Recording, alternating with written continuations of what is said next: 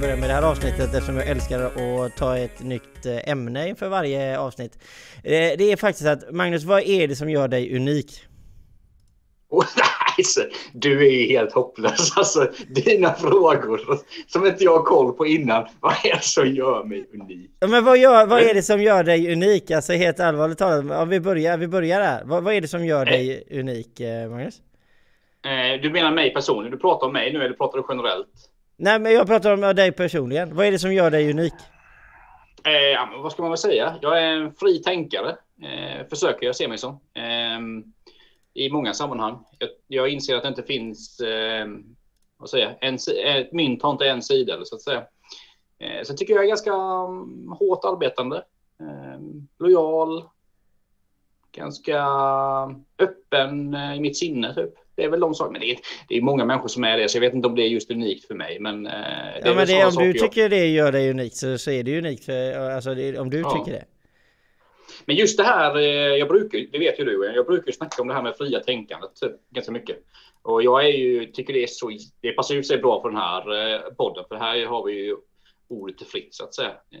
Så ehm, jag tycker det är väldigt viktigt i dagens samhälle, beroende på, speciellt idag, alltså nutid, hur eh, samhället ser ut och hur mycket spänningar det finns om i världen. Så att man alltid, det finns alltid två sidor. Man, måste alltid, man kan inte bara gå på en sida och lyssna på en sida. Så det är, fria tänkande tycker jag är viktigt och jag försöker tänka på det mycket själv också. Ja men precis, men eh, alltså för det, det som eh, jag är ute efter med det här med unikfaktorn om man säger det är så här att vad, vad är det som gör dig unik och vad är det som gör ditt företag unikt? Vad är det som gör mm. Magnus Thulin Digital unikt? Vad är, det som, vad är det som gör hela ditt koncept unikt? Vad är det som kunderna kommer uppleva när de kommer i kontakt med dig? Vad är det som gör dig unik? Alltså om man bara pratar lite, alltså vad det gäller produkterna tycker jag vi har jävligt bra produkter. Vi behöver inte gå in så mycket på produkterna och tjänsterna vi erbjuder, men dels har vi bra produkter. Men sen är det ju så att jag är ju, tror jag, sån som person som Alltså både som bolagsägare och som säljare. Liksom att jag är, bygger väldigt långsiktiga relationer. Jag, jag tycker att jag är ganska frisk fläkt liksom, och vrider och vänder, vänder på allting, hur man kan komma till lösningar. Väldigt lösningsorienterad. Liksom.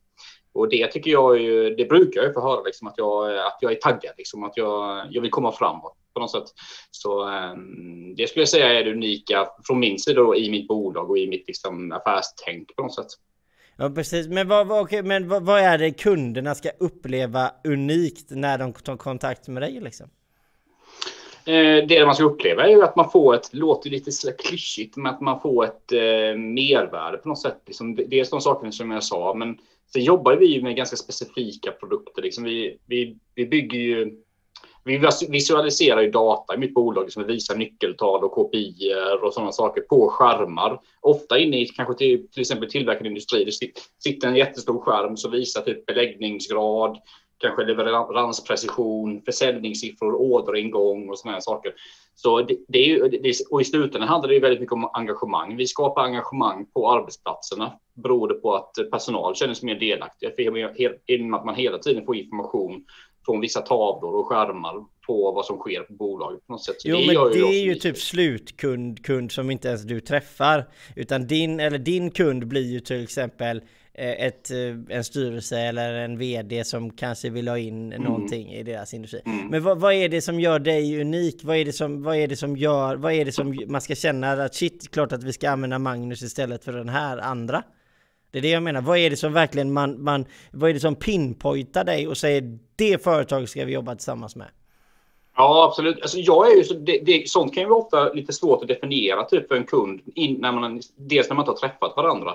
Så det är ju frågan, om jag utgår från när man träffas, och då är det ju engagemang. Det är så mycket, väldigt mycket. Vi, tänk, alltså vi tänker ju väldigt mycket på kunden, det som är bäst för kunden och erbjuder någonting som kunden verkligen behöver. Liksom. Eh, så ehm, det är svår fråga Johan, det där. Alltså, det är alltid svårt att liksom, eh, utvärdera sig själv på något sätt. Men man ska ju veta vad man säljer och vilka kunder man, eh, man fokuserar på. Liksom. Det är ju väldigt, väldigt viktigt. Men jag vet inte riktigt vad det är du fiskar på. jag tror du fiskar på någonting här speciellt. Nej men alltså det gör jag ju alltid om man säger alltså man, ja. måste, ju, man måste ju vara ute på fiske ibland om man säger. Men alltså det jag menar är egentligen alltså att vad är det? Vi säger att i, i en, en kontakt med du har, eller vem som helst där ute, så har en kontakt med en kund, så är det ju så här, mm. alltså oftast handlar det ju om, om relationer och känslor. Alltså vad är det för känsla du vill trycka på i ditt kundbemötande eller din kontakt med den här personen som du kanske ska göra business med, du kanske redan har accepterat Absolut. anbud. Vad är det du vill att din kund ska känna Magnus? Ja, men det är ju engagemang, definitivt. Engagemanget, att eh, vi verkligen bryr oss om kunden helt enkelt. Att ni bryr er om kunden? Ja, absolut. Det, det är det du det känner, det, det är alltså absolut det, är det som du, det här ska vi, det här Ja, men det tycker jag är viktigt både vid införsäljning och som du och jag ofta pratar om vid återkommande försäljning, återkommande kunder. Att man hela tiden visar engagemang, liksom, för då kommer man ha återkommande kunder garanterat. Ja okej, okay. ja, men precis. Ja. För, att, för det är någonting som jag tycker alltså alla människor där ute i, i våra i eten eller eh, eko kan man kalla det vissa som sitter och tittar på oss. Det är att vad är det som gör dig unik? I, i, i som person är du en sak för att man, man alltså så allting mot blickar och, och allting sånt där. Men just i kundbemötandet, alltså hur agerar du som företag? Alltså jag tror att vi pratade ju förra gången om en liten så här rolig grej. Det kom in en kille som var, skulle skulle bli mäklare, eh, Magnus. Just och, då, så, ja, och då sa ju du någonting, ja men släng iväg en blomkvast eller ring tror jag du mm. sa eh, senare då. Mm. Alltså det är ju typ en unik grej. Alltså, men alltså, att, att det som gör det unikt så är det ju en helhetsbild, alltså från Alltså leverans, kommunikation, eh, lösningsorienterad, eh, tydlighet, eh, alltså visa priser, eh, alltså trygghet, att du vill skapa en trygghetskänsla åt kunden. Att det är klart att jag vill använda dig för här känner jag mig trygg. Jag vet att jag kommer få det jag har köpt. Till exempel, till exempel, till exempel. Men det här är ju någonting som man Men måste... du, ja? uh, om, jag, om jag vänder på frågorna, vad gör dig unik och ditt bolag? Eh, vad, vad, är det som gör mig unik? Eller rättare sagt, alltså givetvis är du... Vi börjar med dig. Ja, eh, enkelt att säga till personalen. Eh, om vi ska säga så, som bolag så är... Alltså vi är väldigt duktiga kollegor har jag som gör att vi är väldigt unika för att vi kan nästan ta vem som helst av vem som helst och det blir lika bra lösning. Det är väldigt mm. unikt att kunna tillgodose det, det är alltså alltid kundens behov men att man har dem absolut eh, den bästa personen eh, egentligen till allting känns det som många gånger. Det gör oss unika. Sen är det eh, vi försöker oftast vara väldigt glada och kommunikativa så att säga. Att vi försöker alltid vara positiva eh, emot mm. saker och ting. Och det gör att man blir väldigt lättarbetad med. Eh, och sedan givetvis att man hela tiden följer upp kundens behov. Och det gör vi på plats med att mina kollegor tar beslut på plats. Alltså och även med extra kostnader och allting som kan bli i våran sektor. Det tar alltid mm. den personen som ansvarar över det jobbet direkt ut till person. Det ska vara enkla ja. kommunikationsvägar. Eh, de ska känna det att säger jag någonting till den här personen då kommer det bli så. Alltså, he, alltså ska det vara transparent liksom. Det ska vara enkelt. Det ska, det ska vara, eh, när man har med oss att göra så ska man aldrig vilja ha med någon annan att göra igen. Det, det, det, det är vårt endgame liksom. Det, och det är någonting som jag tänker på, har tänkt på ganska mycket genom åren. Alltså vad, varför ska någon välja dig gentemot något annat? Pris, om, okay, det är så ytligt att säga pris för att alltså priset... Nej, pris är ingen bra grej att säga. Nej men det, du är bara glad över priset eh, alltså innan du väl har fått eh, produkten eller fått lösningen, då kan du vara skit eh, med mm. priset liksom. Det är jätteviktigt mm. med priset tänker man när man ska köpa in det och man sitter och kollar i plånboken. Hur många penningar har jag här liksom när man ska köpa någonting? Sen när du väl har fått det, då skiter du samma i vad priset är för då kommer du säga att det här funkar ju inte, det här är inte bra, jag är inte nöjd med det här, jag skulle, jag skulle ett gott där. Så, så att priset är, är ytligt, utan man måste se till alltså känsla, vad är det för känsla egentligen man vill, man vill förmedla och det är det som gör det unik liksom. Det är, det är jätteviktigt att tänka på. Ja, precis. Eh, ska vi se, ja, Tony, är... Tony säger hej på er unika entreprenörskapsutbildare, kul att se er igen. Underbart att ha med det, dig Tony. Alltså du vet, det, det är lite fusk så när du får svara på frågan sen. För du, har ju, för du börjar ju alltid med en fråga som inte jag är förberedd på. Så du har ju en viss fördel när det alltså. Men alltså det är, alltså, vem har sagt att det ska vara liksom eh, lika premisser här? Va? Jämlikt! Nej, det finns, det finns ingenting som heter så hos... Eh, det jobbar inte så. Alltså det hade blivit, nej då, men så, så det, är, det är någonting att tänka på tror jag, för alla där ute. Att, mm. så. Och sen, ja. eh, eh, vi, har, vi har lite frågor faktiskt som vi har fått eh, på sociala kanalerna idag, som vi ska köra. Sen har vi ju då givetvis några så här punkter som jag har tagit upp idag. och det som vi hoppar på Som jag tycker... Får jag börja med en grej Johan? Vad sa du? Får jag börja med en grej, Självklart. en grej innan? Ja, vill du hoppa Nej, på men något? så, jag håller på nu för tiden på att kolla ganska mycket på typ det svenska elnätet. För det när, för du vet, näringslivet och eh, alltså, tillverkningsindustri så är ju så jäkla beroende av det svenska elnätet. Ju. Ja. Och, eh, och jag vet att du har ju skitbra koll på det för du är ju elektriker i grunden liksom. Även om du driver, du kanske inte praktiserar elektrikern så jättemycket längre, men du driver ju ett elektrikbolag nu. Men du, jag vet att du har jävligt bra koll på det. Men är det någon där ute som är lite intresserad av ehm, ja, men frågor om elnätet kopplat till näringsliv och företagen, liksom, så hör gärna av er till mig. För jag, tycker, jag håller på att kolla rätt mycket på detta just nu och tycker det är jävligt intressant. Och speciellt här nere i Skåne liksom, där vi har så jäkla problem med elnätet med kapacitetsbrist och, och sådär. Så ja, hojta till i så fall bara. Ja men det är bra, för det var faktiskt en av våra frågor så vi kan gå på den lite. Vi hade ju faktiskt Jaha, en, fan. en fråga idag eh, innan där angående elförsörjningen. Och eh, Okej. Eh, någonting som vi, eh, på, vad heter, du tog ju en fråga med mig innan, eh, innan här också. Men alltså det som vi ska säga till just med elförsörjningen det är ju att vi har ju inte ett tillräckligt starkt nät ifall Nej, alltså folk förbrukar för stor eh, energi samtidigt. precis. Eh, alltså på de riktigt eh, tunga industrierna så kan ju de ha liksom så här start eh, där de får liksom så här dra igång maskiner vissa tider bara för att man ska se till att Precis. det finns tillräckligt mycket eh, kraft liksom. Och det är egentligen... Ja. Och jag vet att... Och det, det, det, där sa du något väldigt intressant, att man inte ska dra, dra, dra på det samtidigt för att det kanske finns tillräckligt mycket eh, eh, som el att tillgå på nätet, men det är ju det här att man belastar det så jävla mycket då, eller hur? Väl men alltså du, start, vi snackar startströmmarna liksom. Ja. Precis, precis. Vet du vad som händer med ett elnät om du eh, försöker ta ut mer, för mycket ström ifrån elnätet när det inte finns ström att tillgå?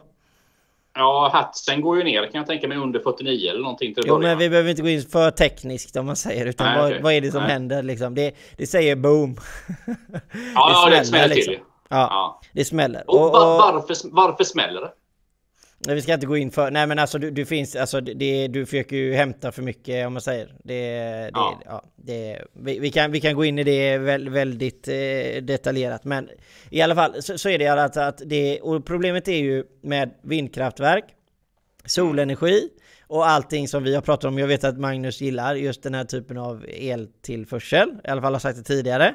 Jag vet inte om Ja det... men, alltså, jag, ja, men grejen, är att, jag, grejen är att jag är ju ganska pragmatisk människa, du vet Johan också. Och typ försöker ändå liksom, jag försöker alltid liksom ta in information från många sidor liksom, och sen bilda min egen uppfattning. Så i grunden, ja, jag är ganska positiv till vindkraftverk, ganska, inte, inte hundra, men solkraft är jag ganska positiv till. Men jag inser också att det finns problem i framtiden vad det gäller, för du vet det går inte att driva, det är helt omöjligt att driva ett elnät i Sverige på bara förnybart. Liksom. Det går ju inte. Liksom. Ja men absolut, jo nej men så är det ju och det är ju det som är det absolut eh, liksom, största problemet är med våra e- elnät eh, idag det är ju att alltså nu när elbilar och allting sånt har kommit att vi, har, alltså, vi förbrukar ännu mer, ännu mer eh, ström och el och problemet är att vi kommer inte, problemet det blir ju också att när villor och sånt förbrukar mer så kommer ju, det finns ju ännu mindre strö, ström till att öppna upp en tung industri någonstans. Alltså det är ju det som är det. Precis. Och det är därför jag är en kra kraftig eh, jag är inte motståndare till förnybar energi. Det är ju det man oftast tror så här. Är du i det Ja. ena eller det andra? Det är inte det det är. Ja. Vi måste ha igång våra kärnkraftverk. Om Ja. inte annat öppna ett nytt. Det är, så är det Alltså, bara. grej, grejen är ju så här att problemet med den här frågan tycker jag, det är ju att den har blivit så jäkla pola- polariserad mellan typ vänster och höger kan man näst, nästan säga. Inte riktigt vänster, men det är lite på den skalan i alla fall. Det ena eller det andra i alla fall. är- Ja, och det är ju problematiskt när det blir så, för då blir det liksom ingen, det blir liksom ingen debatt som är bra liksom för att komma fram till en lösning. Då blir det liksom bara e- antingen det ena eller det andra. Medan man kanske ska mötas någonstans. Det är det inte jag, och det, det är anledningen till att jag håller på att grotta ner mig så jäkla mycket i elnätet just nu. För att jag känner liksom att det finns, det finns grejer både från höger och till vänster och lite sånt där som, som påverkar mig. Så jag, jag måste bara, jag känner bara att jag måste fan ha koll nu. Jag tänker inte snacka om de här sakerna om inte jag har 100% koll. För du vet, jag brukar vara som Johan, jag gillar att snacka, alltså jag vill inte snacka om saker om inte jag har jävligt bra koll på läget. Liksom. Ja men det förstår jag. Men sa- samtidigt så är det så här att Alltså jag vet inte, är det, är det en höger och vänsterfråga som du säger eller? Är det verkligen det? Ja, men det har det ju blivit i och med att, i och med att du vet Moderaterna och Kristdemokraterna hoppade, över energi, eh, hoppade av energiöverenskommelsen. Liksom. Liberalerna var ju aldrig med i den, för de skrev ju aldrig under den från första början. Och SD har ju aldrig varit med heller. Så, så det har ju blivit en väldigt hög... Jag tycker det är, alltså om man kollar på politiska skalan så tycker jag det har blivit ganska mycket vänster-höger tyvärr. Och det är ju fan inte så jävla bra alltså. Nej, vi ska inte brotta. Vi behöver ha kärnkraft liksom. Det, så är det bara. Men nu håller det på att hända grejer här. Eh, så. Ska vi se, Tony säger tankar om Skåne Magnus? Om vi får en kall vinter, vad händer? Vi har haft mindre vintrar Nej, Alltså det är ju väldigt, det är problematiskt liksom. Och grejen är, vi har ju sett även i, i sommar nu hur det ser ut eh, på elnätet i, i Skåne. Liksom. Dels regionala nätet och även det lokala nätet. Liksom, att det är jävligt eftersatt. Och det handlar ju om väldigt mycket om den här kapacitetsbristen. Det vet ju många bolag har problem att få kapacitet. Typ ja, E.ON distribuerar helt enkelt. De kan inte ge kapacitet till Pågen om någon ska bygga ut eller andra industrier och sådär. Och det innebär att det inte finns tillräckligt mycket kapacitet att tillgå. Och det är, det är ju så att vi har jävligt mycket uppe i norra Sverige liksom med all vattenkraft och även, ja, även vindkraften till viss del ligger ju jävligt mycket uppe i norra Sverige. Så, men det handlar ju om att få ner allting det till, Malmö, eh, till Malmö, eller Malmö, säger jag nu, till Skåne. Och där är det problem. Och så det här stamnätet som vi har i Sverige, det vet säkert du mer om Johan, men stamnätet som drivs av Svenska kraft. Det är ju så att eh, många lokalnät och regionalnät är ju privatiserade. Eh, mm. Medan stamnätet är ju fortfarande enligt staten då från Svenska kraftverk som är ett statligt bolag. Och vi har jävligt mycket problem där och det är delvis med den här nya ledningen som skulle vara klar för tio år sedan som skulle ersätta Barsebäck har ju inte blivit klar i tid. Liksom den är tio år försenad och det är fan katastrof för Skåne. Alltså. Oj nu händer det grejer. Ja precis, jo men så är det. Och det som, det, det så är det. Och där vi ska inte, vi ska inte... Men, men, men, men, ja. men för att svara på frågan då till Tony liksom. Och det är ju klart, det, det blir ju problematiskt på, på, på elnätet i Skåne. Det kan ju bli väldigt problematiskt i framtiden. Även, även om vi har viss typ av el, men att behålla frekvensen och så på, på elnätet liksom, så att, man kan, att det blir stabilt, det kan bli problematiskt. Alltså. alltså. Det, det, vi kommer inte ha ett problem om inte om, eh, om det, det är som naturgasledningar eller alternativt kolkraften mm. kör igång i Tyskland så kommer Skåne mm. klara sig jättebra. Problemet är inte att få till elen. Jo men, jo, men eh, Tyskland håller på att lägga ner allting. Jo men jag vet det, men de kommer inte göra det till vinter om vi snackar nej, denna nej, vinter. Nej, nej, nej. nej. Nej, nej. men kollar vi på sikt så, så kommer det ju vara problem, absolut. Men allting handlar om om du ska vara självförsörjande eller inte. Ska du ja. handla med någonting som är så viktigt för nationens och rikets säkerhet till exempel mm. som elkraft är eller för företagsverksamheten mm. så är det klart att vi måste ha, se till så att vi har en riktig tillgång på, på el. Händer det en olycka, eh, någonting, ja. det håller på att brinna som det gör i Kalifornien, klart att vi ska kunna trycka ut kräm ur vårat eget och Precis. inte förlita oss på andra liksom. Ja, vi har ju pratat om det innan. Jag tror vi pratade om det kanske förra eller förrförra podden att jag har ju en, jag har ju en väldigt syn. Jag gillar ju solkraft mycket på grund av det för att man kan bli självförsörjande liksom på till exempel en bostad, ett hushåll och sånt där i framtiden. Det gillar jag. De tankarna gillar jag jävligt mycket. Men, jag, men nu pratar vi ju om näringsliv och företagande här i den här podden och, det blir ju, menar, även om du sätter på en tung industri, säg att på, sätter på ett stålkraftverk bara för att du sätter liksom vind, eller vet det, solkraft bara på det taket på den industrin så kommer inte du vara självförsörjande. För det krävs ju så otroligt mycket ja, energi ska vi ju säga om, om man ska vara renlärig. Liksom. Ja men så är det ju alltså, alltså jag vet, det, nu är det ju extra, extremt om du ska sätta en extremt stor anläggning på taket eh, så kanske du kan jämna ut det lite men maskinerna ja. drar ju så mycket ström så att du kanske ja. kan få, alltså, ja. Det är ju det som är det största problemet. Och som du var inne på innan också när man ska dra igång alla de här jävla maskinerna också då. Liksom. Ja, startströmmarna och grejer. Nej men det är det, det finns inte tillräckligt med kräm och det här är ett jätteproblem om man ska öppna nya verksamheter runt om, i Sverige som företagare. Vi kan möjligtvis förhandla till att kommunen ger oss marken för en krona för det är ju vanligt nu för tiden. ja, det har vi snackat om. Ja. Ja, fan, det, det, där är lite stökigt just nu. Har du läst om alla de här IT-jättarna med serverhallarna och sånt eller? Nej. Att de får sådana... Jo, det, det är ju Facebook och Amazon, Amazon Web Services och Facebook och de håller på att investera i ganska mycket stora serverhallar i Sverige. Aha. Och de får ju sådana sjuka skattelättnader. Dels på etablering men också på elen faktiskt. Och det har ju, ja, nu skit att prata politik nu, men det har de fått i alla fall från, från, från um, riksdag och regering. Och det innebär, men sen har det visat sig nu då att de här serverhallarna, du vet, de är ju så jävla effektiva de här bolagen så de, de har ju knappt någon personal liksom. Medan politikerna trodde då att det skulle, åh jävlar vad det skulle bli arbetstillfällen om de här serverhallarna kom, kom till då ju. Och då kanske du vet de här stora jättebolagen, de har ju varit smarta då säkert då ja, trixat lite med politikerna. De är inte dumma liksom. De är ju affärs, eh, skarpa affärsmän liksom. Så de kanske har lovat lite då med arbetstillfällen. Så har det inte blivit så. Ja, precis. Och det blir ju jävligt problematiskt då, för då ger vi ju extremt mycket kapacitet och skattelättnader på elen till exempel till de här serverhallarna. Men arbetstillfällena blir jävligt få och, och sen har de på det då eh, förhandlat så att de skattar inte i Sverige. De skattar kanske i sina hemländer då till exempel. Så Sverige får inte tillgång på de liksom, vinstskatterna eller vad det kan vara. Och, men normalt sett så skulle de få till, Sverige få tillgång till till exempel arbetsgivaravgifterna då beroende på att de har folk anställda i Sverige. Men nu visar det ju sig att det, det är för fan ingen som jobbar där för det är ju, det är ju automatiserat och digitaliserat du vet och, och sådana grejer. Så det här, det här kan bli jävligt stökigt för politikerna eh, tror jag alltså. Jo men det blir ju så alltså när man ska, alltså, direkt när man ska alltså, bedöma olika Alltså det är en sak om man har en väldigt, väldigt stor entreprenör med väldigt många arbetstillfällen. Då, då får man gärna kanske bedöma det lite Precis. annorlunda. Och det får man Precis. faktiskt förstå där ute. Att har, har man en, en eh, någon som kommer in och säger att vi har 2000 arbetstillfällen och vi ska lägga oss i Norden någonstans. Alltså det är klart mm. att då blir det lite dragkamp mellan de nordiska ja, länderna. Alltså det, det, det, får man gärna förstå liksom. Mm.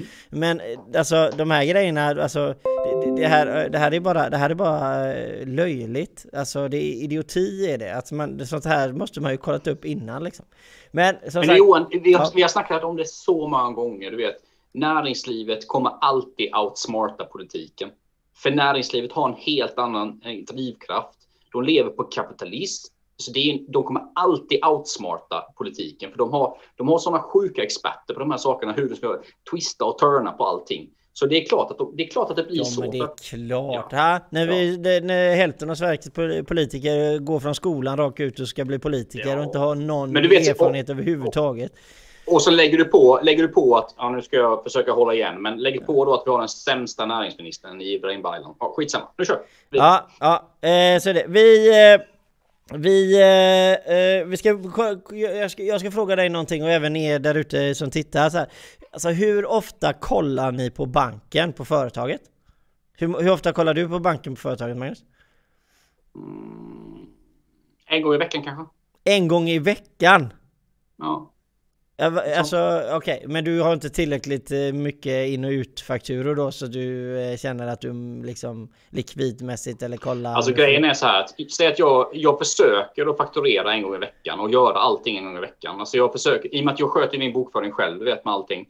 Så jag försöker alltid liksom typ på fredagar innan den här podden till exempel. Idag har jag suttit och bockat av ingående och utgående. Alltså leverantörsfakturor och sen skapat fakturor. Så, och då, brukar, då kollar jag alltid på banken, för jag bockar jag av också då. Så jag brukar göra det en gång i veckan faktiskt. Och jag tror inte det är, jag tror inte det är så jävla ovanligt med en småföretagare att man gör när man, man har någon sån standard liksom.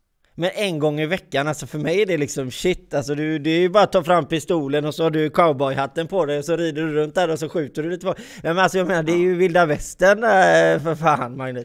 Varenda... Men hur menar du då? Du menar att du kollar oftare då eller? Jag kollar alltid klockan sju på morgonen. Vet du ja, varför? Men, har du mycket, men du har, har du mycket fakturor? Du vet du har jävligt mycket fakturor eller? Nej, jag omsätter la 10 miljoner så det är klart att det, det... Ja men för fan, du skulle kunna vara ett bolag som har fem kunder och omsätter 10 miljoner. Så det, det, skit, det spelar ingen roll. Det spelar ju roll vilken typ av kunder du har.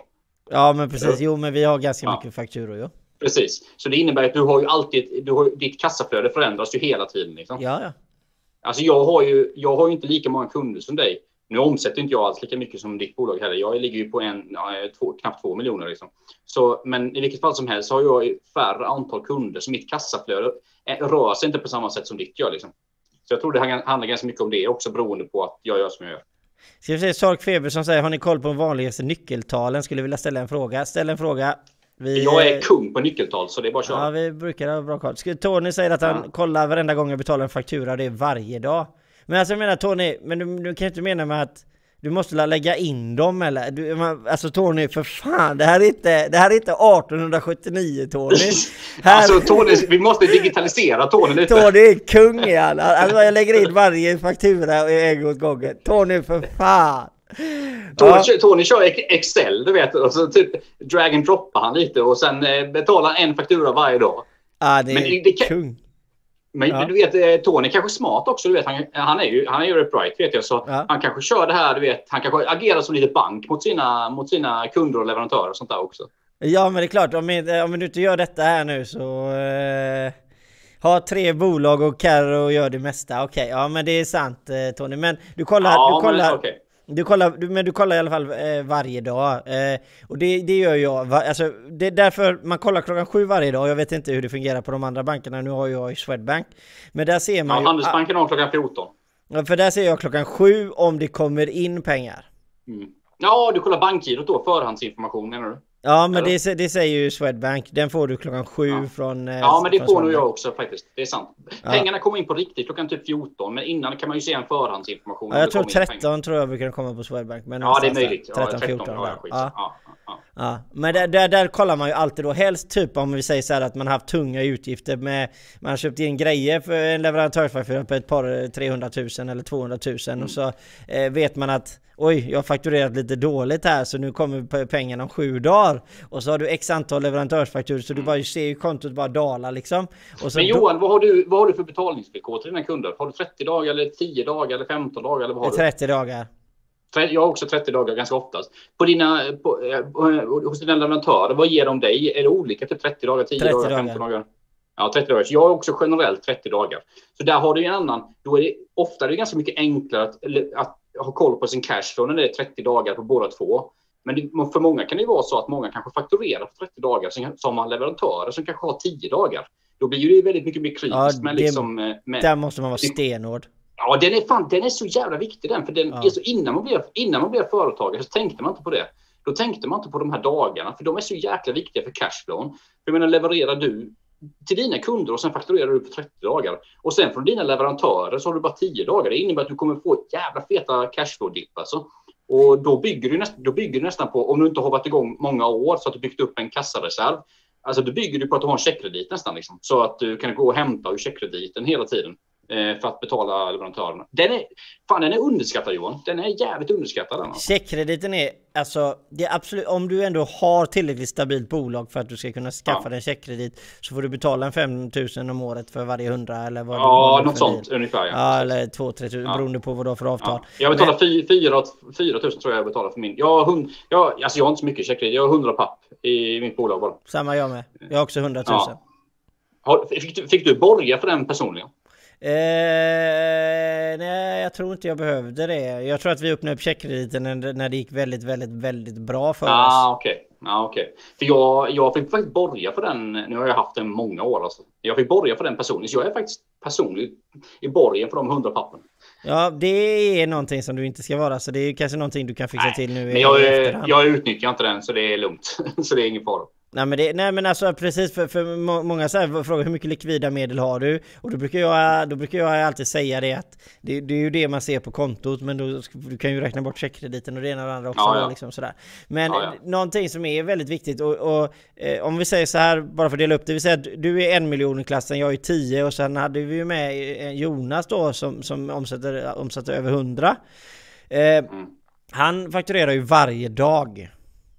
För att alltså det är sånt fruktansvärt in och ut liksom.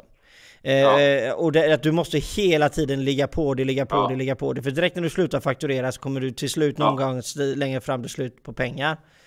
Ja, ja, alltså det är skitfarligt att släpa för mycket på fakturorna. Det är superfarligt alltså att fakturera för sent. Jo, men jag, jag, jag kommer ju ett, ett skede, eh, om man säger, jag har gjort, jag har ju fakturerat varje dag. Jag har fakturerat en gång i veckan, jag har fakturerat varannan vecka, jag har fakturerat en gång i månaden. Och det var inte så länge sedan, det var nu innan covid-19 här, på andra sidan året. Jag, alltså jag var så trött på att fakturera. Alltså ja, jag, du vet, jag, jag fick gärna kämpa mig upp ur sängen för att fakturera alltså. Fick gärna bita Men du, hur var, det, hur var det första året när du drev bolag? Då var det jävligt roligt att fakturera. Varje dag, bara varit ute och gjort ett jobb, två lampor, jag fakturera. Vet, jag vet. Ja. ja, jag vet hur precis hur det är alltså.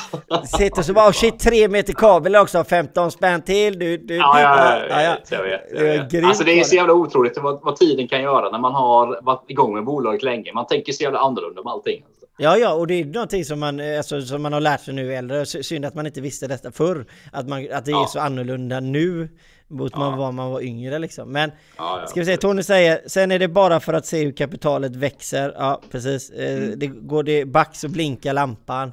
Ja, det är sant, men det är... Jag gillar att, eh, jag gillar att Tony säger att kapitalet växer. Det innebär att det växer på honom. Det gillar jag, för Tony är fan en riktig klippa alltså. Eh, även, ja. om, eh, även om man inte håller med varandra i diskussioner ibland, jag och Tony, när vi snackar lite på Facebook och sånt. Jag gillar Tony. Han är, han är fri tänkare. Men man, alltså, det, har, fri, det har ju ingenting att göra med att gilla varandra om man håller med varandra.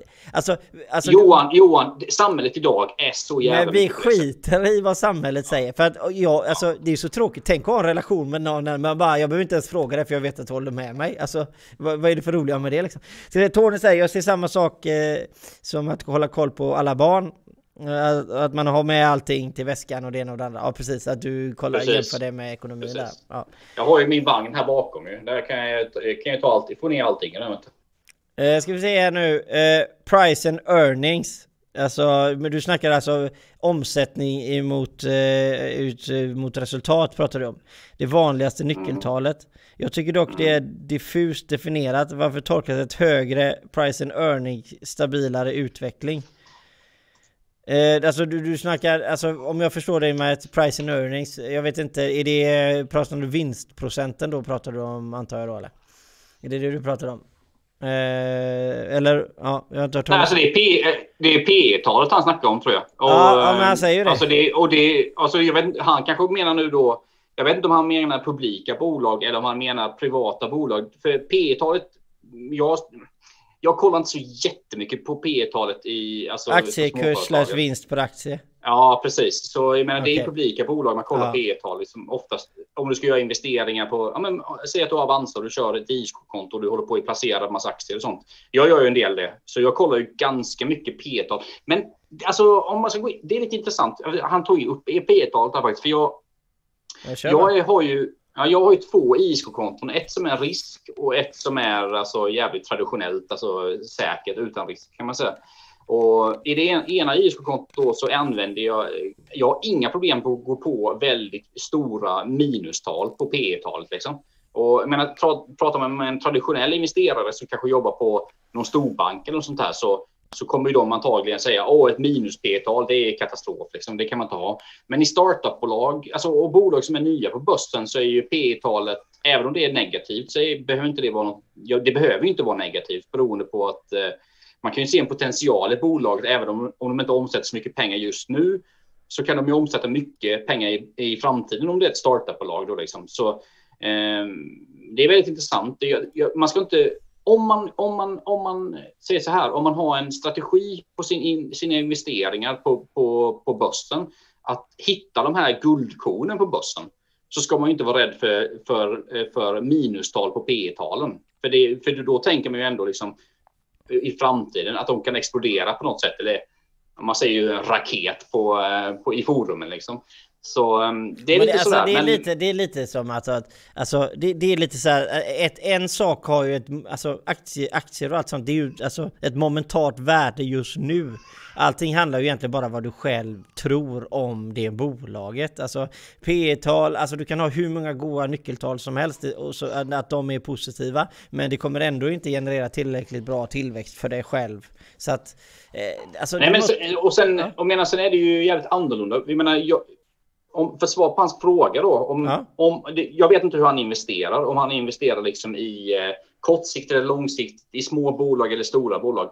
Men om man, om man investerar i... Fan vad suddigt det blir här. Mm. Så, eh, om man investerar i, eh, i bolag som är stora bolag och som ska ge avkastning på lång sikt. Då hade jag nog sökt, gett en tips till honom att söka på P tal eh, typ branscher. För olika branscher har väldigt olika P tal generellt. Till exempel byggbranschen har väldigt olika P tal om man jämför med finansmarknadsbranschen liksom, eller vad det kan vara. Och eh, nu vet jag inte, men alltså, om man ska generalisera så ska väl P tal ligga någonstans där uppemot en, ja, men, som sagt, det är olika, olika branscher, men 20, 30, 40 någonstans där. Liksom. Så um, det, det, är ganska branschspecifikt. Så ska du investera i ett bolag, kolla upp P talet eh, för branschen generellt. Och sen gör du en bedömning på just det bolaget, eh, om det tillhör den branschen då, om de ligger, om de ligger bra till och vad de har för framtidsutsikter och sånt. Men, men du vet, det är lite farligt, det är, det är, Johan, det är lite farligt att snacka om sådana här saker för att man kan ju få eh, Finansinspektionen på sig för att man får inte ge, enligt Finansinspektionen får man inte ge eh, råd, finansiella råd om man tar licenser och sånt. Så jag säger igen, liksom, jag kan bara hänvisa till vissa saker och fan bilda er en egen uppfattning och som vi alltid säger, tänk själv. Jo men så är det ju. Och sen eh, precis, man ska inte, precis inte så, men sen handlar det ju mycket till, alltså ska man, ska man, ska du leva på tillväxt eller ska du leva på eh, utdelning? Alltså det finns ju många som mm. lever på utdelningar bara och får eh, aktiekurser och så får 5000 där och 2000 där och 3000 där. Men det är därför rik, rik blir rikare vet du. Alltså, alltså har, har, har du väldigt mycket kapital och du kan investera i bolag typ det finns ju många bolag på börsen som har väldigt höga aktieutdelningar. Liksom. Försöker bara tolka kapital. själva nyckeltalet. Vad innebär det konkret? Inte, han bryr sig inte om tips. Utan han vill bara veta vad price and earnings ah, betyder. Okej, okej. Alltså... Ja, um, det... det ex, okej, okay, nu ska vi vara jävligt de, definierade. det är aktiekursen.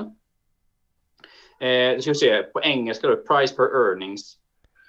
Men det var det inte aktie... aktie aktiepriset just nu, alltså per aktie. Eh, eh, fan, alltså, Men vad är det, vadå, det är ju aktiekurs mot vinst? Alltså... Ja, precis. Precis, aktiekursen mot vinst, nu blir det svenska. Exakt. Du delar, alltså Så... du tar aktiekursen och delar den i vinsten bolaget gjorde?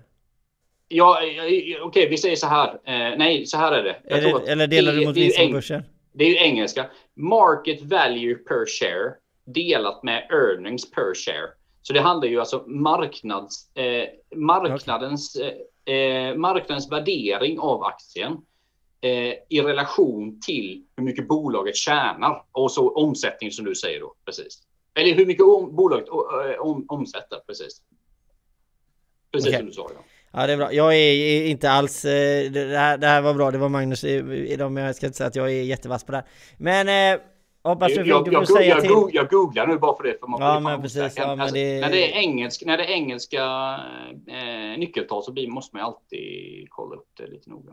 Nu ska vi, nu ska vi prata om att, att tro på något som inte fungerar. Och det här är ett väldigt, väldigt vanligt sätt att ibland när man har gått in och eh, håller på med någonting och så fungerar det och man bara fortsätter och fortsätter och fortsätter göra samma sak för att det har ju fungerat tidigare. Att man tror på någonting och man liksom lägger in all sin energi på detta men man, liksom, man vill aldrig svänga utan man vill bara fortsätta rakt framåt. Det kan vara någonting som ett försäljningssätt, man har alltid gjort så här för att sälja. Eh, marknadsföringssätt, man har alltid gjort så här för att marknadsföra sig själv. Eh, man har alltid gjort så här, eh, man har aldrig installerat några trådlösa saker utan för allting har liksom varit fast kabel till allting till exempel. Man har alltid gjort någonting på ett visst sätt och man fortsätter göra det så långt tid till att bolaget håller på att gå konkurs eller går i konkurs. Och då är min fråga till dig Magnus, hur ska man som företag och individ liksom känna hur liksom relevant någonting är att fortsätta med? Eh, alltså din produkt eller tjänst eller vad du... Eh, ja precis, eller vad som helst. Alltså bara väldigt generellt. Alltså när, när ska man hoppa av och göra något nytt? Eh, alltså det är så jävla svårt att säga Johan. Alltså. Det är... vad fan ska man svara på de frågorna? Alltså, magkänsla. Nej, men vad fan, kolla på dina böcker. Kolla på kolla på resultat och balansräkningen. Liksom. Alltså, bör göra minusresultat eh, samtidigt som du tar ut för lite lön, samtidigt som du inte kan betala, som du inte har råd att pensionsspara. Det är väl ganska alltså, sunt förnuft-tänk. Liksom. Eh, har du inte... Ja, men säg så här. Du driver ett bolag inom eh, redovisning, vi gör det enkelt, inom redovisning. Eh, vad, är, vad, är, vad är liksom eh, medellönen eller medianlönen för en redovisningsekonom? Det kanske är... 30 000. Är ex, ja, lite högre än säkert, men säg, vi säger ny, nyexad redovisningsekonom, säg 30 000. Ja, då skulle du kunna ta ut 30 000 i lön, helst lite till i och med, i och med att du är bolagsägare. Du ska även kunna betala en ganska schysst, eh, du ska kunna ha en privat tjänstepension, till exempel på något av de här stora bolagen, ja, Skandia eller Söderberg Partner eller Avanza eller vad det kan vara. Och kanske inte du ska... Är du ny företagare skulle du väl ändå försöka sätta undan liksom en 5-10 000 i månaden i pension, helst mer i framtiden. Liksom. För att eh, svenska pensionssystemet ger inte så mycket cash vid pension. Liksom. Så det är bra om man har en privat pensionsförsäkring. Så då, det säger sig själv, 30 000 i, i, i bruttolön, då får man nästan dubbla det Johan, brukar vi säga, om, när, man, när man tänker med eller så, 30 000, nu sa jag, jag menar nettolön, då får du nästan dubbla det när det gäller bruttolön och lite pensioner och sånt. Så du måste ju in ganska mycket cash och kan du inte ta ut de här då, din lön plus en marknadslön plus pensioner eh, och du får fortfarande liksom röda tal på sista raden. Eh, då bör du nog börja fundera liksom att antingen eh, kanske man ska göra något annat eller kanske man ska utveckla sin produkt eller tjänst så att man kan tjäna mer pengar i framtiden. Liksom. Men där är väl, det tycker jag ändå är ett bra tänk. Alltså jag har blivit, du vet, jag kommer från en familj eh, som är, nästan alla är företagare. Min pappa var företagare, min mamma var företagare. Min farfar han drev lanthandel ute, uppe där, där Tony bor faktiskt ganska nära. Så, och då har man hela tiden fått inpräntat de här sakerna. Liksom, så jävla, jag har blivit det i alla fall, hela tiden inpräntat. Tänk på liksom, hur mycket lön är det på marknaden. Liksom. Tänk att du måste kunna betala dina pensioner och sådana saker. Liksom. Så, och sen är kanske jag, som, jag är ju alltid sån fri tänkare, jag går min egen väg, så ibland har man inte följt det, men, men jag tycker att det är ändå ett ganska bra grundtips på något sätt, Johan. Eller vad säger du? Ja men Tony säger jag har ändrat mina bolag så många gånger för att jag har trott på att eh, förändringar är sällan negativa. Världen ändras så måste bolagen ja, också. Ja, absolut. Sen säger Tony också, min revisor sa för 20 år sedan att det, om du inte kan ta ut någon lön ska du göra något annat. Ja, ja, men det är ju så jävla sant. Och, och, då, och då kan vi göra tillägg på det. Kan du inte ta ut en marknadsmässig lön skulle jag ändå vilja lägga till också då på det. Men det, det är ungefär som Jo, Tony men säger. alltså jo, självklart. Ja. Jo, men så kan det ju vara. Men givetvis har ju alla företagare någon gång under sin tid kanske inte tagit ut en så lön. Alltså, så det, det I början liksom... är en annan sak. Liksom. Ja, precis. I början är en annan sak. Men samtidigt så kan du ju ändå komma till en... Eh, du åker på en smäll, konkurs, alltså ja, ja. whatever. Liksom. Du har räknat fel. Eh, så att, men, men det jag tycker är att... Eh, alltså när man ska förändra sig själv det är när man känner att, helt, att no, no, alltså det finns många andra företag som kan eh, liksom är bredare än vad du är. Alltså de känner att de levererar andra saker än vad du gör. Och du känner alltså mm. att du inte kan leverera de sakerna längre. Och du ser att det finns pengar i dem. Alltså det kommer finnas pengar. Det kanske inte finns än, men det kanske kommer finnas pengar. Då är det dags att göra något annorlunda. Eh, för att mm. jag, jag säger oftast till mig själv så här. Att gå back en månad resultatmässigt. Om man säger eftersom jag, alltså det är ju varje månad liksom man kollar upp resultatet. Det är lugnt liksom. Det kan man göra. Det är massa grejer. Det kanske kommer stora inköp som är daterade 09.30 och du kan inte fakturera dem förrän 10.07. Alltså mm. då går ju september kanske dåligt. Absolut, det, det finns kanske anledningar. Alternativt, någon, många har varit sjuka. Alternativ, det finns massa saker som kan hända som gör att resultatet blir sämre. Men det som, det som är två månader däremot, det, man får inte gå två månader i back i rad. Eh, mm. och om du väl gör det då måste det också finnas väldigt, väldigt tydliga anledningar. Men mm. det, det, det är något sånt där för att du kan liksom inte Alltså tänk dig ett kvartal med negativt resultat var, varje månad. Det biter i, sig in i psyket på dig alltså. Som mm, företagare. Du kommer... Eh, för det första där med löner och grejer, alltså helst om du har en verksamhet som är, bedrivande hela tiden, att den, är, den pågår och pågår och pågår och du har kört med den i 10-15 år och du har tagit ut lön mm. varje månad så kommer du inte sluta ta ut lön bara för att det går dåligt. För att Alltså, Nej, det kan det ju inte. Alltså, räntor, räntor ska betalas, leasingavgifter ska betalas. Du har barn och det är mat och det är hyra ja. och det är liksom ja. sådana grejer. Va? Så att där också så måste man se till så att eh, en månad, direkt när du har ett negativt resultat. Vi mm. säger att Magnus kommer, kommer så, fan Johan jag backar i juli. Ja, mm. då måste man gå in i månaden efter, som efter juli så kommer, just det, augusti. Eh, då måste man gå in i augusti, ganska direkt i augusti, i början första veckan i augusti, gå, titta över varför exakt har det gått back.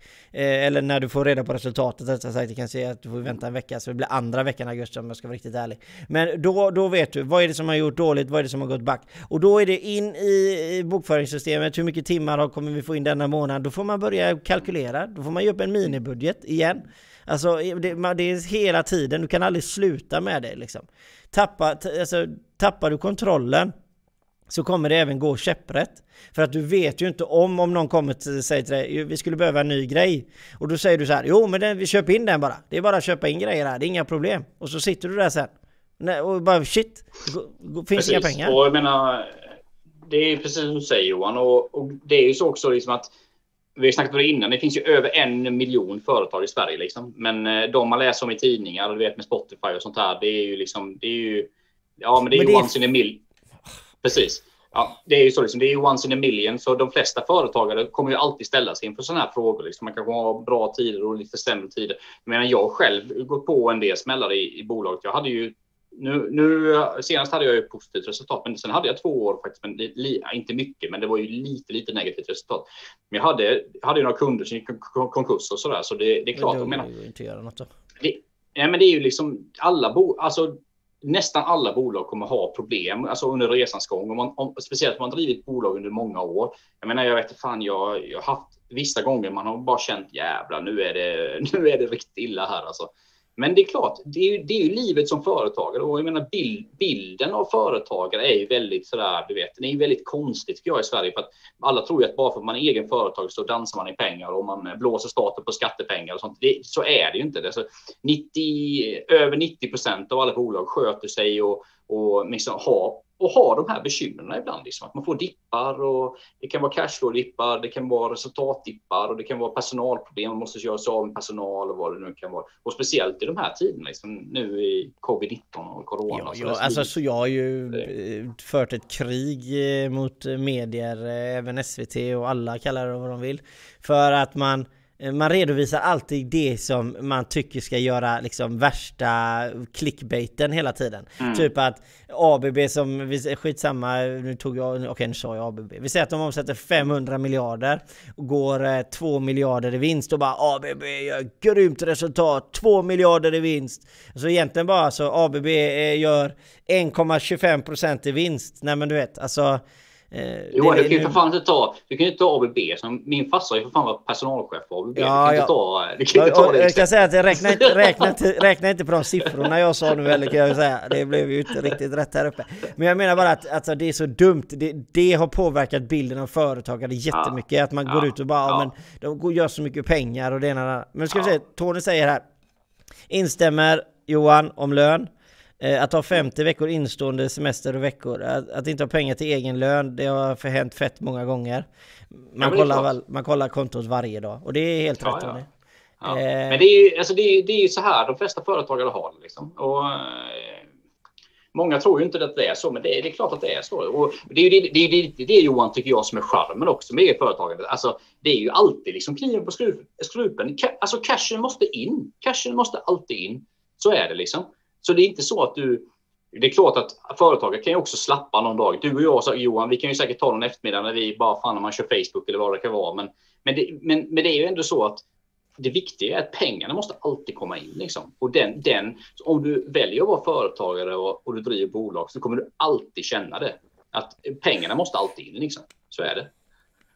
Ja, ja, det, du kan ju aldrig slappna av. Alltså du kan nej, slappna nej. av under kortare tillfällen möjligtvis. Ja. Säger att Ja men det har gått väldigt bra här så att jag kan ta två timmar här liksom. Absolut skulle kunna göra det men alltså det väger ju aldrig upp. Det är ju bara liksom någon fantasivärld man sitter i och tror att man kan spela kumbaya och hoppa omkring och, och ja, ja. slå kokosnötter mot sin egen. Nej men alltså det funkar ju liksom Men alltså jag, jag kan ta mig som exempel. Hade jag blivit, hade jag, säg att jag hade fått covid-19 nu och blivit riktigt jävla sjuk. Alltså om jag hade varit en av dem som har blivit riktigt sjuk och jag hade liksom varit tvungen att ligga på sjukhus i tre månader. Alltså jag hade varit rökt. Det har jag. bolag har varit rakt. Ja, hundra ja. procent hade det varit. Oavsett. Ja. Och jag menar, och jag menar då, då, då, får du lägga till att företagare generellt är ju de som är, har absolut sämsta försäkringar. De har absolut sämsta sociala liksom, välfärdsförmåner och allting. Liksom. Så eh, jag menar, det är ju jävligt stor risk att, att vara företagare också. Om du blir sjuk så är det en jävligt stor risk. Alltså. Och nu kommer Micke här och säger att det borde vara olagligt att dricka julmust i oktober. Jag tänkte på det! Jag tänkte på samma sak! Alltså Micke, jag håller med dig till 100%. Det är min fru som har köpt de här små och så skulle jag ta med mig någonting snabbt att dricka. Så att jag gjorde det, men det var ju inte egentligen meningen. Så att jag, alltså jag... Du, alltså jag håller med dig. Jag, jag hämtar lite mer dricka bara ja, för det. Ja, så det. Alltså jag, jag ber så hemskt mycket om ursäkt Micke. Jag, jag, jag, faktiskt, jag jag följer inte mina egna principer kan jag säga just när det kommer till det här. Det är riktigt dåligt, jag, jag håller med dig till 100%. Tony säger det är ett jäkla pussel efter pussel år efter år. Kan han räkna hur mycket bidrag till statskassan som medan stat med alla avgifter, moms och sjuka pengar? Ja, eh, ja, jo men det, så är det ju Tony. Och det är ju det är ändå en stor grej liksom. Alltså man, man alltså vi har ju regler och lagar och grejer. Vi ska betala så här mycket varje år och vi ska betala så här mycket i, i vinstskatt. Vi ska betala så här mycket tillbaka till momsen. Ja. Vi ska betala så här mycket. Alltså, det som man inte liksom kan förstå då som eh, privatperson, som kanske aldrig gör det, det är att när man sitter där på, och så se, har man kontot uppe så ser man där liksom shit, jag har bara 140 000 inne på kontot men momsen är på 100 och arbetsgivaravgiften är på 125. Så efter jag betalar det här så sitter jag på med, med liksom 20 000, 25 000 på banken liksom. Alltså den, det magknipet liksom. Eller till exempel att man kanske inte har råd, man får vänta. Alltså, nej, herregud, det är... Och det är inte det att egentligen så har man ju tagit in de pengarna i bolaget för att man har ju tagit in momsen. Så det är ju inte det att... Det är så jävla roligt Johan, för att du, du ser ju inte min skärm eller? Ja. Gör du det? Jag såg att du spillde eh, bubbel på dörren. Ja, jag såg det. Så jävla roligt. Ja. Jag, jag smäller ju igen dörren på mitt glas. Ja, ja. Jag bjuder på den. Ja, vi ska ta upp en grej eh, faktiskt som är, Carol tog upp eh, tidigare. Eh, som ergonomi eh, hem, när man är hemma. Eh, och eh, alltså stolar och kroppsligt så, så här, när man tänker på människor kanske som jobbar väldigt mycket med datorerna då. Om man säger alltså finns det någon som liksom har börjat jobba med det eller finns det, ett, eh, finns det någon som liksom tar tag i den frågan med tanke på att eh, det här med arbetsmiljö i hemmet så att säga när man jobbar hemifrån? Intressant fråga måste jag säga. Ja, väldigt intressant. Jag, jag har fan inte tänkt på den alltså. Nej, alltså jag, eh. jag är stark motståndare till att man ska jobba hemma från första början. Ja, men det vet vi, det vet vi. Det vet Upp till kamp, jobba på jobbet. Ja, ja. exakt. Ja, men det vet vi ju. Men eh, ja, det är ganska intressant. Jag sitter ju hemma just nu. Jag tycker jag har ganska bra arbetsplats här. Nej, det har du inte. Har jag inte det? Nej, du, du hade, suttit, hade du suttit så, du hade ju för fan blivit krökt i ryggen om du suttit så i, i, i 24 timmar om dygnet. Men du vet, jag har så bra överparti Johan. Du vet. Ja, du har du en bra stol. Mycket, liksom. Har du en sån här fin stol att sitta i? Ja, så ergo... ja nej, men det, det, det, är faktiskt en intressant fråga och det är jävligt relevant fråga faktiskt. För att på många arbetsplatser är det ju väldigt, man har, man har ju köpt in liksom skrivbord och stolar och allting sånt för att man ska kunna sitta bra och sådär. Så jävligt intressant fråga. Jag har inte tänkt på den faktiskt. Men eh, den är jäkligt relevant alltså. Ja, ja, den är grymt relevant och där finns det nog business mm. att göra. Alltså man skickar hem stolar eh, där och ja. och annat, tror jag.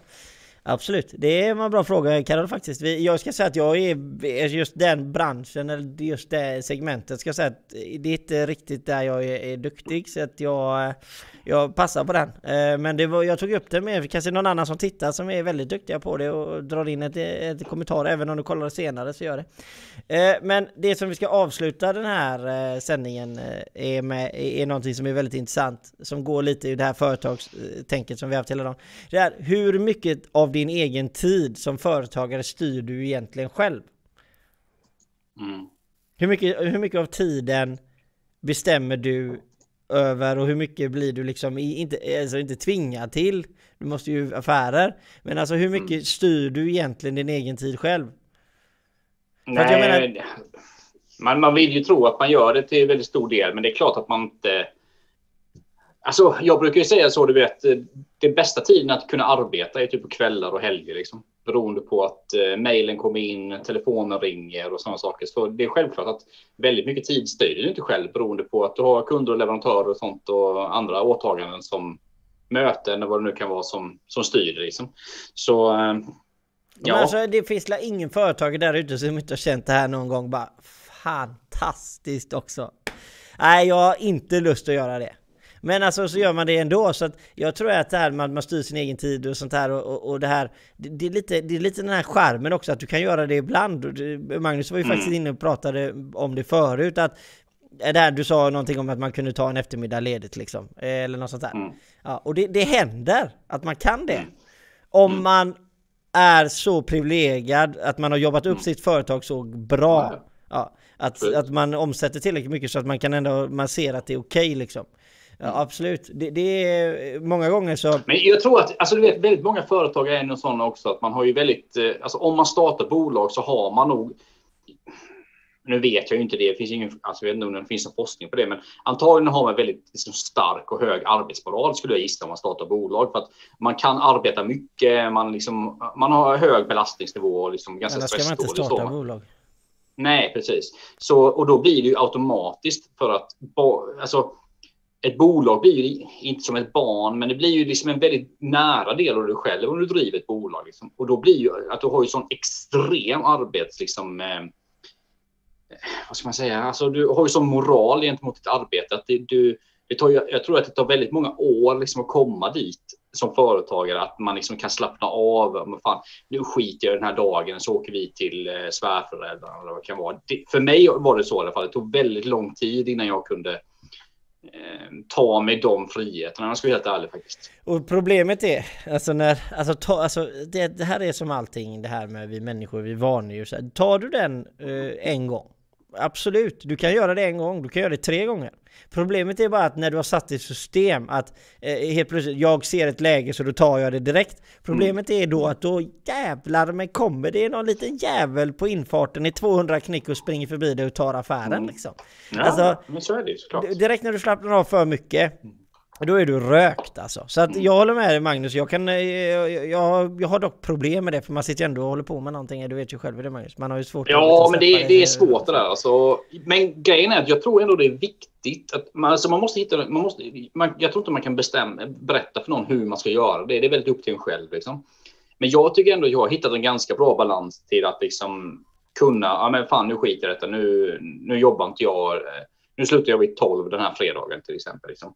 Men jag vet ju det, då, då kommer ju de här demonerna upp i huvudet sen. Liksom. Aj, nu, må, fan, nu måste jag jobba ikapp det här. Liksom. Då får man sitta kvällar sen. Liksom. Så um, jag är sån i alla fall. Jag är väldigt mycket så att om jag eh, slappar till det någon dag så kommer det demoner i mitt huvud. Bara, Nej, fan nu har jag varit, eh, nu har jag varit slapp. Nu måste jag jobba igen. Liksom. Ja, men det, det är liksom den här uh, work hard, live hard, die hard. Det är liksom lite som den filmen där. Alltså, Alltså jag, jag, jag, vet inte, det är alla olika. Jag funkar så i alla fall. Jag vet inte hur andra funkar. Liksom. Det, Nej, jag klättrar på väggen. Jag, jag måste ha någonting att stilla sinnet med, för annars är jag inte lugn. Men Johan, alltså du och jag är ju, vi är ganska lika på många sätt. För du vet, vi håller ju på, du och jag, vi, fan, vi kan ju sitta tolv på nätterna och skicka massa jävla bilder till varandra. Tror du den här rullar som på Facebook eh, som Facebook-inlägg? Liksom? Kommer den ge, skapa engagemang? Du, vet, du och jag är ju sådana. Vi måste hela tiden ha massa jävla grejer.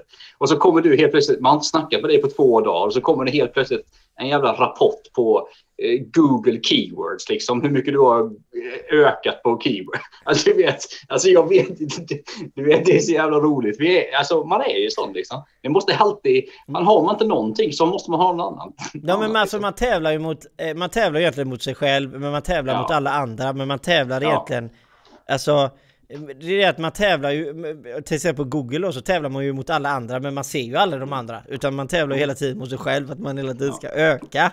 Eh, Ska vi se, Peter säger ja som tjänsteman kunde inte ens hitta en stol på Jysk. Eh, när, när arbete hemifrån beordrades. Så stolar och bord etc har ändå sålts till personer med, med egna initiativ. Och det är ju kanske ett eh, fel om man säger. Säger du till person, pers personalen att jobba hemma så måste ju du som arbetsgivare ha ansvaret över arbetsmiljön hemma.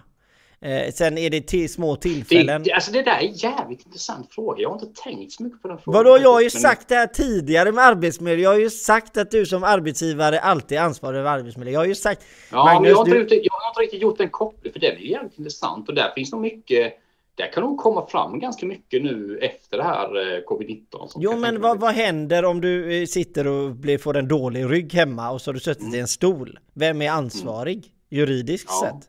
Ja, ja. Det är mycket, mycket intressant. Det kan ju säkert komma upp ganska mycket arbetsrättsliga fall med detta. Eh, men definitivt. om du jobbar hemma eh, och jobbar hemifrån då, får jag som eh, chef åka bara hem till din dörr och bara tjenare och gå in? Hallå eller? Ja, det är också intressant fråga ju.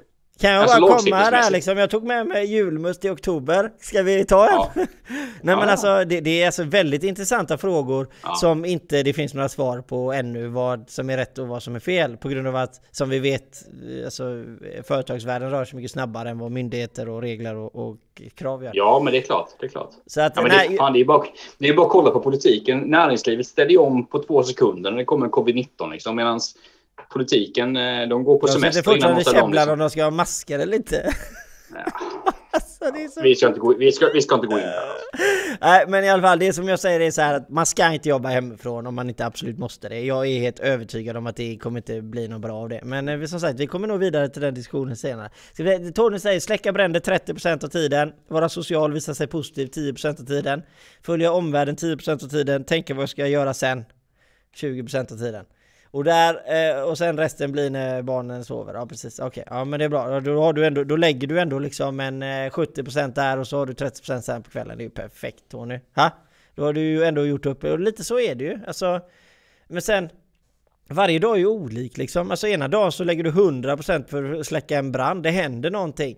Till exempel som eh, skadar ditt varumärke. Och det kanske inte skadar ditt varumärke utåt sett utan det skadar ditt varumärke i dig själv. Och du känner det här ska inte, så här ska, det här ska inte vi göra. Då drar du in 300 eh, högsta växeln. Nu ska vi se till vad, vad är det som hänt? Vad är det som inte får hända igen? Och så, för att det inte ska påverka ryktet utåt liksom. Eh, ton... Du, eh, vem var det som frågade innan om eh, P talen eh, Det var Sork Febersson. Ja, Sork Febersson. Eh, jag har lagt lite exempel och sånt på min... Eh, du får lä lägga dem i Moder Johan för annars ser du inte dem i skärmen. Uh, nej, vad fan, smart. Jag ska se, Tony säger mitt huvud rullar hela tiden. Ni ska tro att eh, jag, håller igen. Eh, ni ska tro att jag håller igen på era underbara tid. Ja, det är helt rätt mot Tony, men det, det är som sagt det är bra att jag uppskattar alltid att du är med Tony. Och, men har inte Tony, har inte, har inte han, eh, är inte han på AB då och käkar korv? Jag vet inte, var han är och käkar korv? Han var väl det förra gången? Käkade inte, var det han som käkade korvar? ja, på, på AV, på ja. After Work. Ja, ja, ja, ja, du är så jävla hipp med dina förkortningar Magnus. Ha? Eh, nej då, vi har ungersk korv. Eh, Tony, vi har faktiskt en personlig fråga till dig. Vi satt och dividerade lite i förra avsnittet om vad, korven hette. Eh, om man säger. Eller var det du som sa att den var ungersk? ja, var, jag hoppades på att den var ungersk. Ja, så var det ja. Just det, du, ja. du förde mig bakom ljuset där. Ja. Det är helt riktigt. Nej då, men det är underbart. Nej men i alla fall när det kommer till tiden om vi ska wrap things up där eh, lite grann så här, så är det så här att man som företagare har inte jättestor eh, kontroll på tiden utan liksom saker och ting händer, det som Tony säger. Eh, det här med att du har olika grejer som händer hela tiden och som kräver din uppmärksamhet. Men sen är det någonting som man måste tänka på i det här med tidshanteringen. Det är att allting har inte högsta, alltså högsta prioritet. Alltså det finns saker som är viktigare än andra saker. Bara för att du själv personligen känner att det här är en viktig sak för mig som individ så kanske inte det är viktigaste för ditt företag just nu. Utan du måste, du måste se saker och ting totalt opartiskt ibland mot dig själv. Att vad är det företaget behöver? Det är inte vad jag behöver, för jag vill lägga ut en annons på Facebook just nu. Det är det jag tycker vi behöver. Men företaget kanske behöver att du ringer tant Greta eh, här borta och pratar med henne om en sak som har hänt. För att det är viktigare att ni kommer överens om någonting som ni är oöverens om eller det ena eller andra. Så att det är väldigt viktigt att hela tiden ha ett perspektiv att vad behöver företaget? Och inte ett perspektiv, vad behöver jag? Utan du är som en egen juridisk person som är anställd av företaget. Företaget är en egen juridisk person även du som företagsägare, det du vill och det företaget vill kan vara två totalt olika saker. Och det är väldigt viktigt att man börjar tänka så. Det är som hästarna, du vet, de har två hjärnhalvor. Lite den känslan ska det vara. Eh, Bra där! Ja, eh, ska vi se här nu. Håll mina kurs, eh, mina vänner, inte som realskeppet Vasa. Bra avsnitt Tony, det var du som gjorde det. Och er som såg när jag, eh, när jag tog mitt eh, glas. Vi har ju, den här podden kallas ju eh, Företagssnack after work. Så vi brukar ju alltid typ ta en liten drink jag och Johan och sådär. Ja. Så ni som såg när jag spillde ut halva mitt bubbel. Det är tur att jag köpt ganska billigt bubbel så det rör jag på golvet här. Så jag bjuder på den. Hurka är den bästa Magnus. Mm? Hurka är den bästa korven. Säger Tony. Ja. Fick du tips? Och jag tar en skål då med min julmust. Alltså jag ber så hemskt mycket om ursäkt för alla tittare där ute. Jag är ett starkt motståndare till julmust i oktober. Eh, jag ska skriva en eh, motion till min fru jag tycker att vi ska ta upp det här på nästa eh, styrelsemöte hemma. Men som sagt. Men du Johan, skillnaden, du är konservativ, jag är liberal, så jag tycker det är helt okej att du dricker julmust. Okej, okay, okay, du är, men du är för progressiv vet. Nej då, skämt åsido. Men som sagt, jag skålar i mjölk, barnen hemma. Tony, ta hand om barnen. Alltid helt underbart att ha med dig. Och Magnus, har du några välvalda ord till oss? Som avslutning? Nej, jag tänkte att jag körde mina välvalda ord med min eh, liten fadäs med mitt, min, mitt bubbel. Så ja, vi säger så. Ja, och vi får tacka att ni har tittat. Jag heter Johan Mod Johan Mårtsson och jag har haft med mig, eller har med mig mm. Magnus Tullin. Och det här är Aktörspodden Företagsnight. Ha nu en förbannat trevlig fredag, för det har vi sagt att ha.